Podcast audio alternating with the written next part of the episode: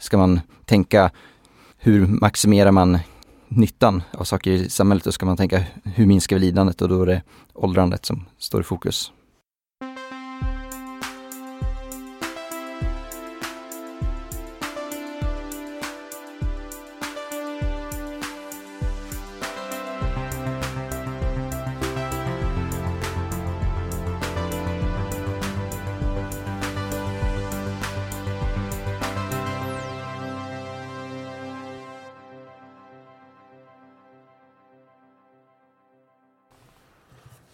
Så. Då är vi tillbaka. Heja framtiden från Helio GT30 i Stockholm. Jag heter Christian von Essen och eh, mitt emot mig sitter Viktor Björk. Välkommen till Heja framtiden. Tackar. Jag har ju försökt hitta liksom folk som jobbar med åldrandeforskning och eh, det som kallas för longevity. Och eh, det är dig jag hittat. Det är roligt att vara här. I Sverige. Um, vi ska komma in på mer omkring det. Uh, du kom från Uppsala och uh, ja. har studerat uh, molekylärbiologi. Ja. Och har, som jag har förstått det, de senaste åren djupt fascinerat dig för just åldrandeforskning och hur vi kan stoppa denna så kallade sjukdom.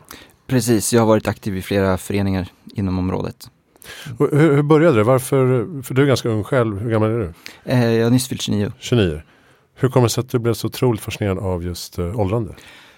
Nej, jag tycker att livet är väldigt kort och tiden går snabbt och det är eh, svårt att hinna med allting man vill. Och dessutom så är det uppenbart för mig att um, om man tittar på dödsorsaker så har åldrandet blivit eh, det stora globala problemet. Mycket värre än krig och svält och sådana saker. Och samtidigt så orsakar det oerhörda kostnader för samhället som vi, vi har fortfarande inte sett riktigt hur katastrofalt det är. Så den största orsaken till mänskligt lidande så ska man tänka hur maximerar man nyttan av saker i samhället, då ska man tänka hur minskar vi lidandet och då är det åldrandet som står i fokus.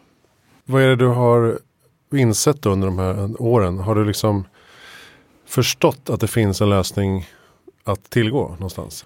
Ja, för det första så är det enkelt att se i naturen att, att det finns ju vissa djur som till exempel grönlandshajen som redan lever i 500 år. Så det finns ju ingen Eh, specifik anledning till att vi människor bara skulle kunna leva i 80-90 år och dö av de hemska sjukdomar vi gör i, idag. Och eh, det är uppenbart också att vi har så otroligt mycket molekylärbiologiska tekniker som inte fanns för 20-30 år sedan att verkligen manipulera celler och, och tillverka terapier som aldrig hade, man hade kunnat föreställa sig tidigare. Mm. Nu ska du eh, flytta till San Francisco och börja jobba med de här frågorna. Exakt, jag kommer jobba för ett företag eh, som heter BioH som eh, ägnar sig åt att ta fram biomarkörer för att mäta upp åldersrelaterade förändringar för att kunna behandla dem eh, innan man behandlar sjukdomarna som åldrandet orsakar. Just det. Och som sagt, du engagerar i olika föreningar och sen så mm, du fick lite uppmärksamhet i pressen för att du också åkte och träffade världens äldsta kvinna. Ja det stämmer. Jag tycker det är väldigt fascinerande med, med för det demonstrerar att, att man kan leva lite längre än vad man, många tror redan idag. Just det. Och 115 blev hon var Emma Morano? Ja, 117. 117, okej. Okay. Ja, hon kanske var 115 när ja. du träffade henne. Ja. Just det. Uh, hur var det då? Det var väldigt intressant att prata med personer som har levt så länge och det visar ju också att uh, det finns en stereotyp att uh, livet ta slut vid en viss ålder men du behöver inte riktigt göra det utan om du inte är dement eh, så kan du ha en hyfsad livskvalitet långt över 100 också och med teknologi naturligtvis ännu bättre än, än idag. Ni la ju fram en, en debattartikel eh, var det på Svenska Dagbladet? Ja. Mm. Några stycken eh, inom det här området eh, som menar att man bör eh, klassa ålderdom, eller vad säger man, åldrande som en sjukdom. Ja i Sverige. Precis, för det är ett stort problem generellt att i dagsläget så behandlar vi inte de, eh, de molekylära och kroppsliga förändringar i eh, kroppen som leder till åldersrelaterade sjukdomar utan vi, vi behandlar framförallt sjukdomarna i slutstadiet. Det är väldigt enkelt att få forskning för cancer finansierat när man attackerar en cancer som redan har brutit ut. Men att eh, en, eh, om man säger som exempel, en 70-åring har ju ökad risk för, för cancer än en person som är 20 år. Men de förändringar som en 70-åring har i sin kropp som den inte hade när den var 20 som ökar risken för cancer, det är inte en behandlingsindikation i sig självt och det vill jag se en förändring på. Vad skulle det innebära då om det blev klassat som en sjukdom?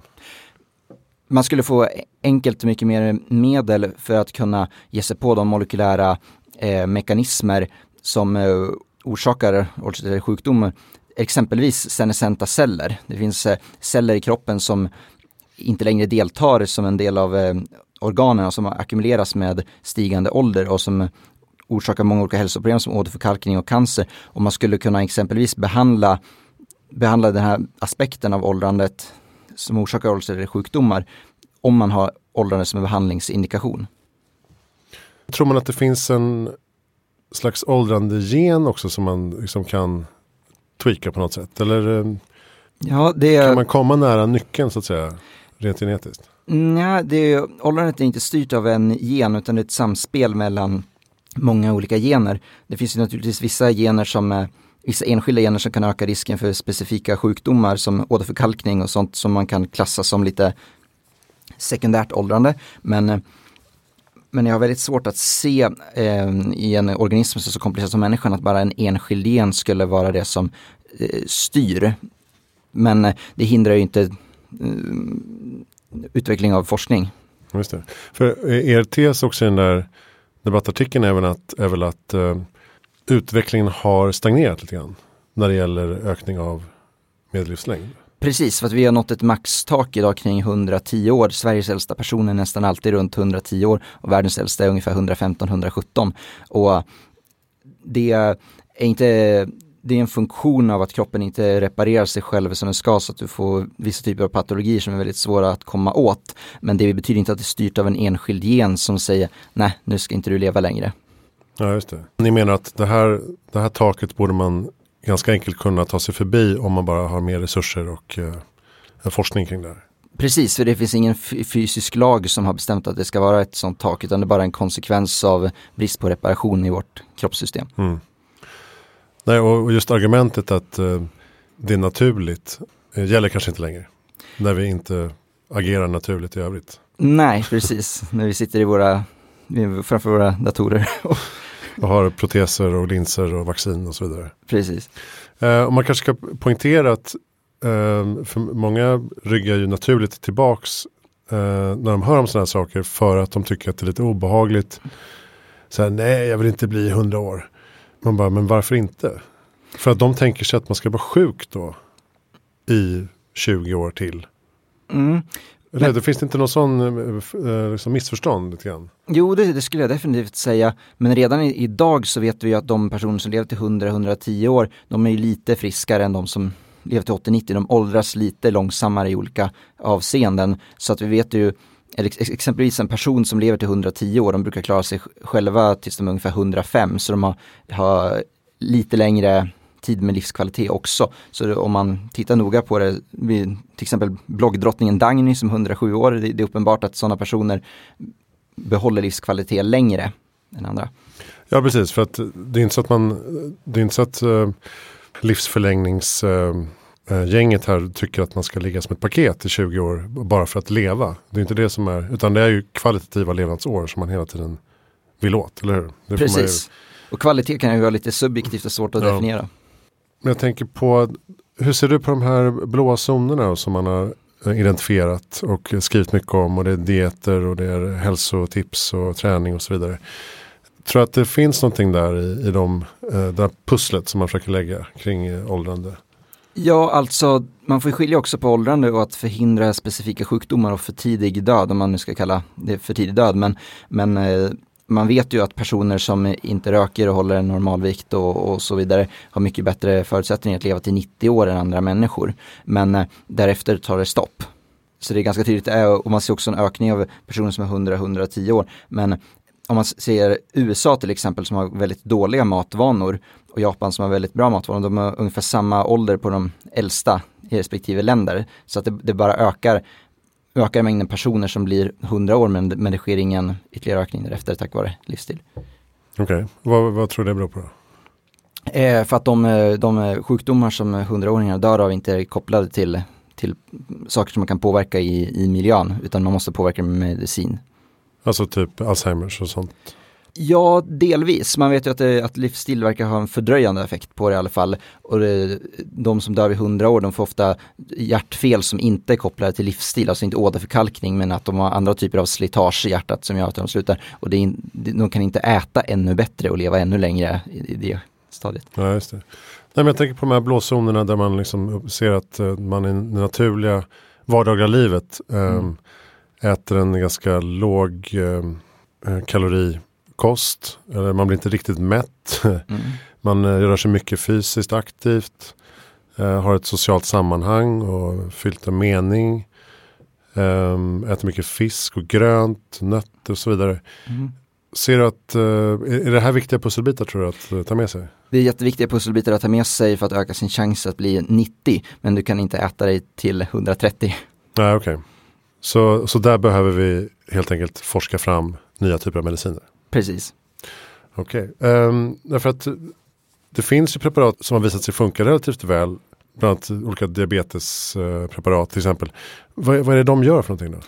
Ja det finns ju ett känt diabetesläkemedel som är väldigt väl förskrivet som heter Metformin och som har förlängt livet på ganska många olika försöksdjur, alltifrån maskar till eh, möss. Och man vet också att personer som har diabetes och som har gått på Metformin på grund av den diabetesrisken, de har eh, de har mycket mindre cancer än andra. Man vet inte riktigt hur mycket längre de lever men de har väldigt mycket mindre cancerrisk och även hjärt och kärlrisk. Så det, det är väldigt eh, intressant. Och möss som man matar med metformin tenderar att leva ungefär 15% längre än, än andra möss.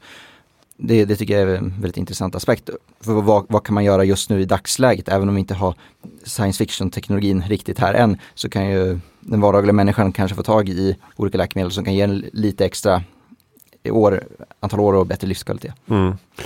En förgrundsfigur inom den här rörelsen är Aubrey de Grey som eh, menar att de första tusenåringarna redan har fötts. Eh, hur ser du på det?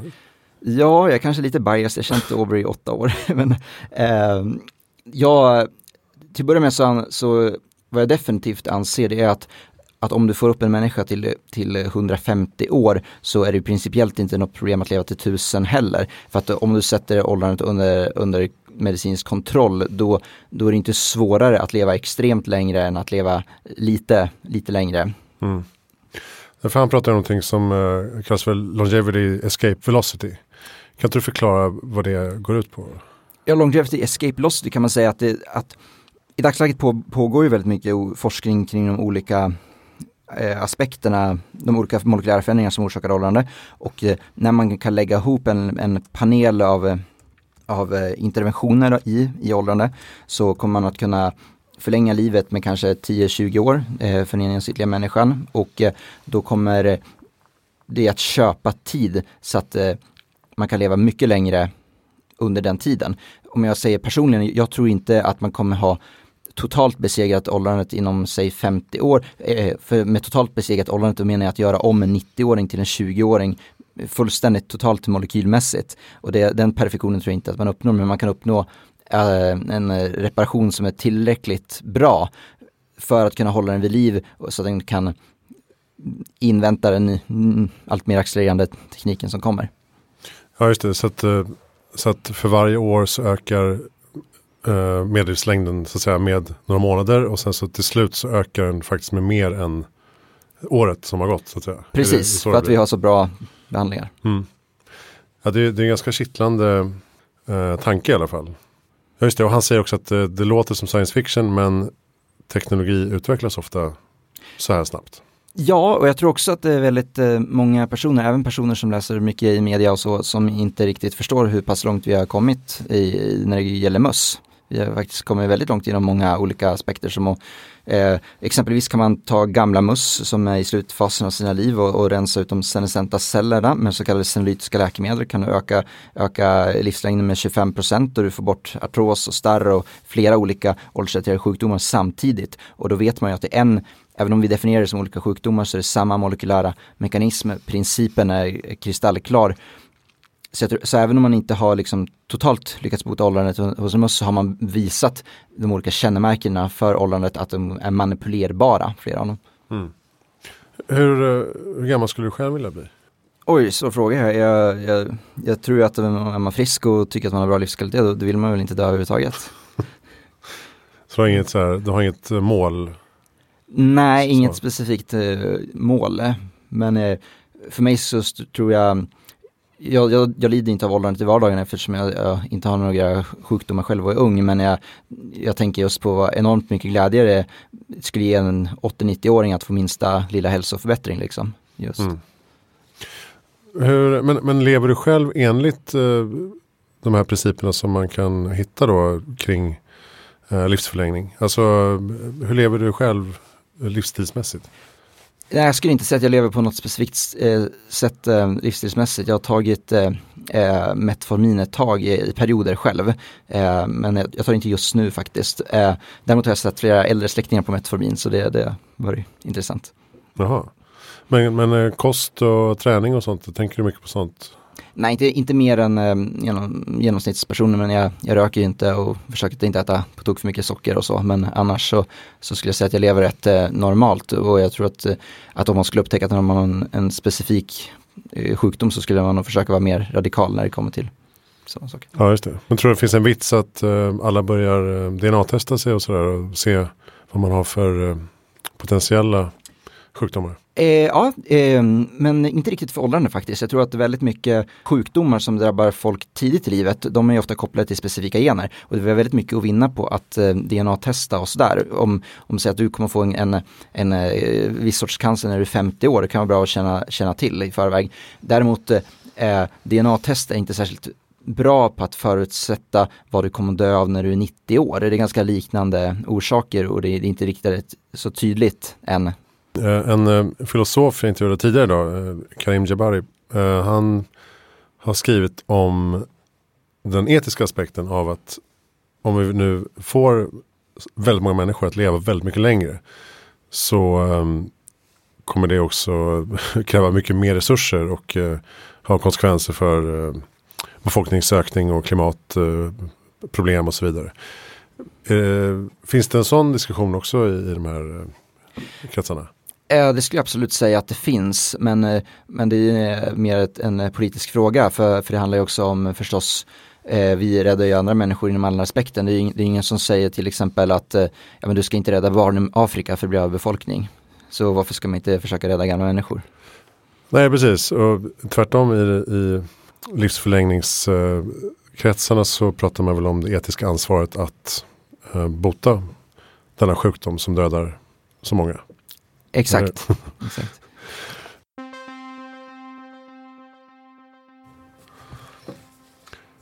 Jo, du nämnde att du eh, brukar ordna konferenser kring det här också för den som är intresserad. Eh, inte i Sverige utan i Bryssel. Ja, det stämmer. Eh, jag har organiserat fyra konferenser hittills och eh, Eurosymposium on Healthy Aging. Så fyra stycken av dem och det kommer en femte den första till tredje oktober nästa år. 2020? 2020. Okej, okay, och, och eh, vad är eh, organisationen bakom då? HEALS, Healthy Life Extension Society, som är ett nätverk av läkare och forskare också EU-medlemmar i, inom Europaparlamentet som är, är väldigt intresserade av frågan. Ja, så det finns eh, på EU-nivå ett intresse för, för detta? Ja, det finns i alla fall personer i, som jobbar inom, inom EU som har ett intresse för det. Sen hur de driver det är jag inte expert på. Nej men eh, okej, okay. och det är därför ni väljer att vara i Bryssel för att kunna påverka så mycket som möjligt? Eller? Faktiskt inte, utan det beror på uh, andra personer som bott där. Men, uh, men det finns en del intresse också därifrån ifrån politisk sida. Okej, okay. så om man är intresserad så är det, vad sa du, oktober? Första till tredje oktober 2020. I Bra. Bryssel. Vi ses där. Ja.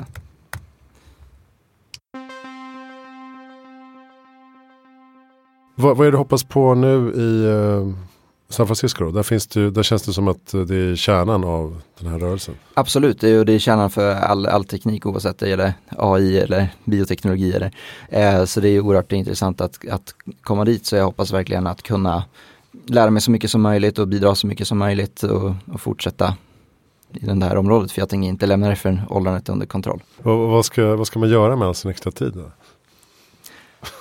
Det är upp till den personen att, att bestämma men eh, det är roligare att ha tråkigt än att ha Alzheimer eller cancer. Mm. Ja, det är helt sant faktiskt. Jag brukar ju um, jag brukar fråga, vad är ditt bästa tips för att göra världen bättre i framtiden? Om man, om man vill maximera mängden människor som man kan eh, räddas och, och, se till att man får så mycket kvalitetsår till så många personer som möjligt så ska man ju försöka att attackera de eh, åldersrelaterade sjukdomarna primärt. Eh, om man kollar på ren statistik. Mm. Skulle jag säga. Har ni bra lästips eller poddtips inom det här området? Jag läser inte faktiskt så jättemycket populärvetenskap eh, nu för tiden. Jag läser väldigt mycket mycket vetenskapliga artiklar men, mm. men eh, det finns ju jättemånga bra bloggar inom området, till exempel Fight Aging att följa. Den, den tycker jag är rätt bra. Den är ganska så tung vetenskaplig men ändå läsvärd för många. Eh, mm. Och LIF, eh, Life Extension Advocacy Foundation, där brukar jag själv blogga då och då också. Mm. Så det kan jag rekommendera. Lifespan.io. Ja. Och där finns det blogg och det finns lite olika resurser. Coolt. Eh, vem tycker att jag ska intervjua i framtiden? Menar du svensk eller vem som helst? Vem som helst. Jag skulle säga om du kan få tag i honom så försök prata med George Church. Eh, George Church? Ja, på Harvard-universitetet. Vad eh, forskar han kring då? Eh, inom genetik och han driver eh, flera olika projekt då, kring åldrande och öka förståelse för en. Och som en bonus försöker han klona fram mammuten. Ja, det, det, är ett avsnitt i sig. Fantastiskt. Just det, och um, Aubrey de Grey hade du haft kontakt med en del? Ja, absolut. Kan intervjua honom också. Just det. Det roliga med honom är att han, att han ser väldigt gammal ut, fast han inte är så gammal. Ja, jag vet han inte hur han skulle vara utan skägg faktiskt. Halvmeterlångt skägg. Eh, men han är ju rolig, jag såg lite TED-talks med honom. Ja. Han menar inte att vår um, livslängd idag är resultatet av någon slags evolutionär vinst. Utan tvärtom evolutionary neglect.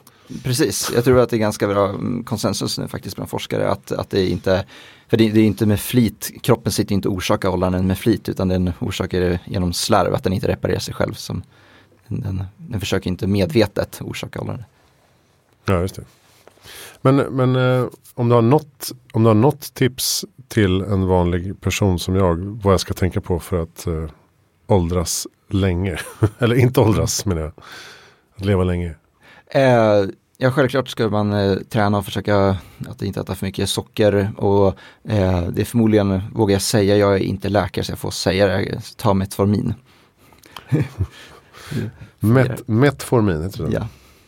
Det finns också eh, läkemedel som är ännu mer effektiva att förlänga liv än eh, Metformin. Det är eh, Everolimus, Rapamycin. Eh, men det är ganska, det är en hel del personer faktiskt inom eh, livsförlängningskretsar som tar det också, men det är lite mer radikalt för en medicin för organtransplantation. Men om man kollar, tar den ganska låga doser, då har den en kraftigt livsförlängande effekt på möss i alla fall. Ja, okej. Okay. Men, eh, men Metformin skulle man kunna få tag på? Alltså... Absolut, det, det är, man kan köpa det i många EU-länder utan, utan förskrivningar också. Så det är inte beroende Okej, okay. Metformin ska vi ta. Eh, tack snälla Viktor Björk för att du kom till Här Framtiden. Tack så mycket. Jättekul att prata. Eh, vi, vi sänder på Helioget 30 som vanligt. Eh, kolla in hejaframtiden.se och eh, önskar Viktor lycka till i San Francisco. Tackar. Tack för att du lyssnade.